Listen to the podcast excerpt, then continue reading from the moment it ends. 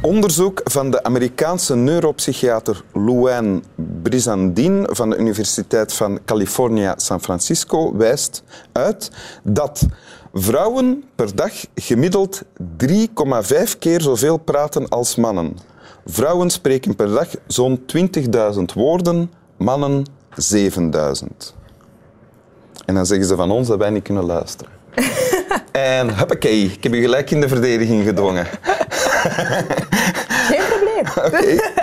Welkom in Winteruur, Dalila Hermans. Hoi. Eh, schrijfster, columniste, journaliste. Moeder van twee of drie? Drie. Drie kinderen, want je bent ook al 30. Ik word 32. Ja. Normaal eh, vraag ik dat niet expliciet, maar je ziet er zoveel jonger uit. En dan, eh, Ja, mensen zeggen mij dat. Ik vind dat leuk. ja. En ehm, ja, je hebt een tekst meegebracht. Ja. Wil je die lezen? Ja. You may write me down in history with your bitter, twisted lies. You may trod me in the very dirt, but still, like dust, I'll rise. Does my sassiness upset you? Why are you beset with gloom? Because I walk like I've got oil wells pumping in my living room. Laten we beginnen met even snel te vertalen. Ja, ehm, dus ja, wat er eigenlijk staat is, eh, je kan me in de geschiedenis eh, afschrijven ehm, met je bittere, uh, Verwrongen leugens. Ehm, je kan me in, de- in, in het vuil duwen eigenlijk. Eh, maar als stof zal ik altijd ja, rise, hoe vertaalde dat? Ehm, Terug naar boven. herreizen. Ja, ja.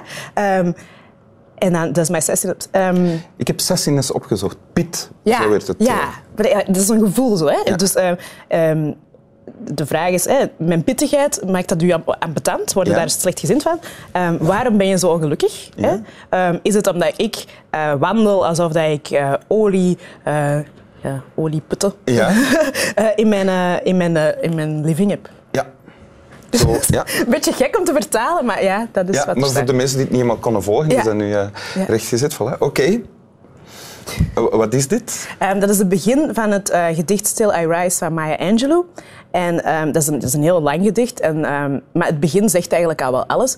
Dat is een gedicht dat ze heeft geschreven ehm, gericht op mensen die haar aanvielen. En zij is een, eh, een burgerrechtenactiviste geweest. eh, zo Een zwarte Amerikaanse zwarte vrouw. Amerikaanse vrouw is echt nog met eh, Martin Luther King en Malcolm X. Dat was zo die hun beste vriendin. Mhm. Ehm, zij heeft eh, ja, dus een heel verleden als, als activiste, als schrijfster, als goh, dichtster. Ehm, maar ze kreeg ook heel veel weerstand. Van, zeker in de jaren 60 van al die... van heel dat witte establishment en Mhm. van mannen en van alles wat zo... zo'n vrouw zou aanvallen. En ze heeft dit gedicht geschreven ehm, als antwoord daarop. Van, kijk, maakt niet uit wat jullie gaan doen. Ik blijf met mijn eh, met opgeheven hoofd eh, rondlopen. Ik weet dat dat u ambetant maakt, maar ik ga dat blijven doen. Eh, en ik zal altijd herreizen. En dat was eigenlijk een beetje een, een, een anthem, een, een, een strijdlied bijna, dat gedicht, geworden voor heel veel zwarte vrouwen. Ah, Oké, want eigenlijk staat er van, je, krijgt, je zult me niet klein krijgen. voilà, dat is, het, de ja. spirit van heel het gedicht. Ja. En wanneer heb je dit leren kennen? Al heel lang geleden. Ik, was, eh, ja, ik, ben, ehm, ik ben altijd heel geïnteresseerd geweest in heel die burgerrechtenbeweging. Dat is zoiets dat in mijn jeugd al zo... Ik, ik las heel veel en ik las dan boeken van, ehm, van haar en van eh, Martin Luther King. En, ehm, dus ik had het al ooit gelezen en al wel gedacht... Ah, en dan ook in een paar films zien Was dat begon dat dan al rond u 12, 13? Of, of ging dat... Pakt 15, 16. Ah, ja. vanaf dat wij, ik woonde eerst in een heel klein dorpje, waar dat een, eh, een heel klein bibliotheekje was. Maar dan zijn we verhuisd naar... Met een heel klein bibliothecaris. Ja, met een klein deurtje. En een- nee, maar echt zo wel, wel echt klein. Ehm, en dan zijn we verhuisd naar Turnhout, waar dat, daar is dat de grote stad. Ehm, en daar de, de warande. En dat is- Want eh, eh, even voor de, voor de mensen die het niet weten, je bent eh, geboren in Rwanda, Ja. geadopteerd Ja. en in een blanke Kempische familie terechtgekomen. Ja, ja. samen met mijn zus. Dus wij waren zo Ah, de twee dochters van twee eh, blanke ouders. Ehm, heel toffe mensen. En dan zijn wij verhuisd naar Turnhout. Dus dat is dan 15 kilometer verder van het dorpje waar ik ben opgegroeid. Ehm, en daar had een heel grote bibliotheek. Hè, de Warande. De, de- eh, dus daar ging ik dan heel vaak naartoe. En daar heb ik al die boeken eh zo wat ontdekt. En heb ik eh, Martin Luther King gelezen, de autobiografie van Muhammad Ali. Zo, al die figuren. Dus ik was er altijd door geïnteresseerd.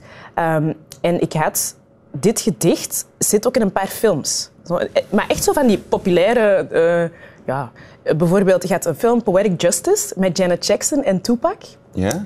Eh, ook allebei persoonlijke helden. en eh, in die film is Janet Jackson zogezegd een, een dichteres ook. En, maar al die gedichten zijn van Maya Angelou.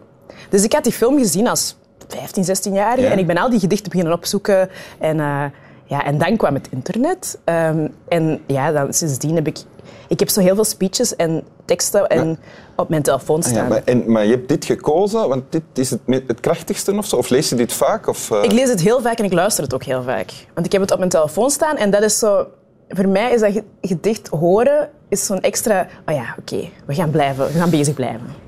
Want maar ik begrijp wat je, wat je nu vertelt, dat je bent eh, opgegroeid in een blanke omgeving, Ja. door liefdevolle, om- omringd door liefdevolle blanke mensen. Ja. Maar het hield je wel bezig dat je zwart was. Ja, ja heel erg. Maar ik, ben, ja, dus ik, ik had zo de, de fijnste bubbel dat je je maar kunt voorstellen. Toffe vrienden, toffe ouders, een Ja. fijne familie. Ehm, maar ja, ik heb ook echt wel heel veel racisme meegemaakt. Echt zo rauw jongs racisme. ook? Ja.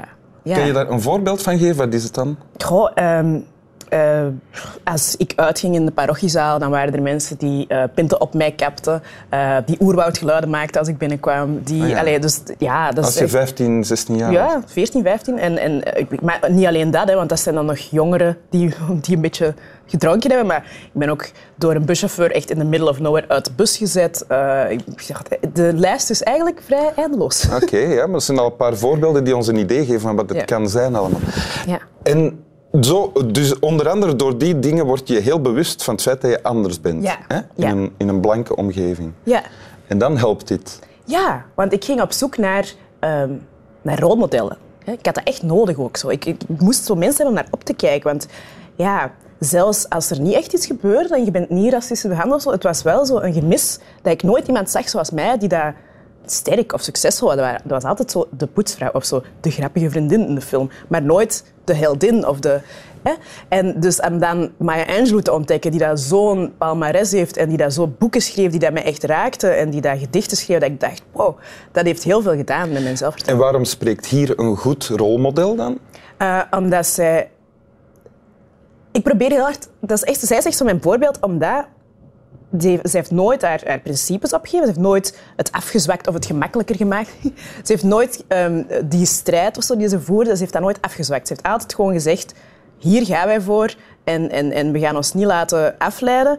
Maar ze heeft dat ook altijd wel gedaan met een twist, zo, met, een, met een mopje erin of met een soort grappige ja, sassiness, met zo wat pit. Eh, en ze heeft dat ook altijd gedaan met een, een naar degene die het niet begreep. En eigenlijk, dit gedicht is ook weer zo'n handreiken. Dat is, er zitten allemaal steekjes in en zo Ja, want het is niet agressief Nee. naar, naar tegenstanders toe. Nee. Je zegt alleen maar, je krijgt mij niet klein. Voilà. En Ja. ze, zegt ook, ze, ze stelt ook vragen aan die mensen. Maar waarom? waarom why does this upset you? Waarom, waarom ben je zo geamputeerd? Want ik ga gewoon blijven doen wat ik doe. Dus los dat probleem op Ja. voor jezelf. Ja, Vind ik fijn. Ik probeer dat ook zo te doen. ja oké.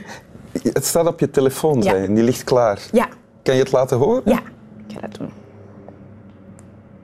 In plaats van dat het nog eens voorgelezen wordt, gaan we Maya Angelou het zelf laten. Ja, ze kan dat beter als ik. You may write me down in history with your bitter, twisted lies. You may trod me in the very dirt, but still like dust, I'll rise. Does my sassiness upset you? Why are you beset with gloom? Just because I walk as if I have oil wells pumping in my living room.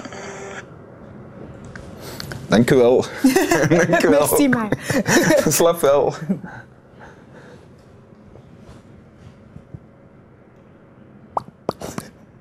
Dum, dum, dum.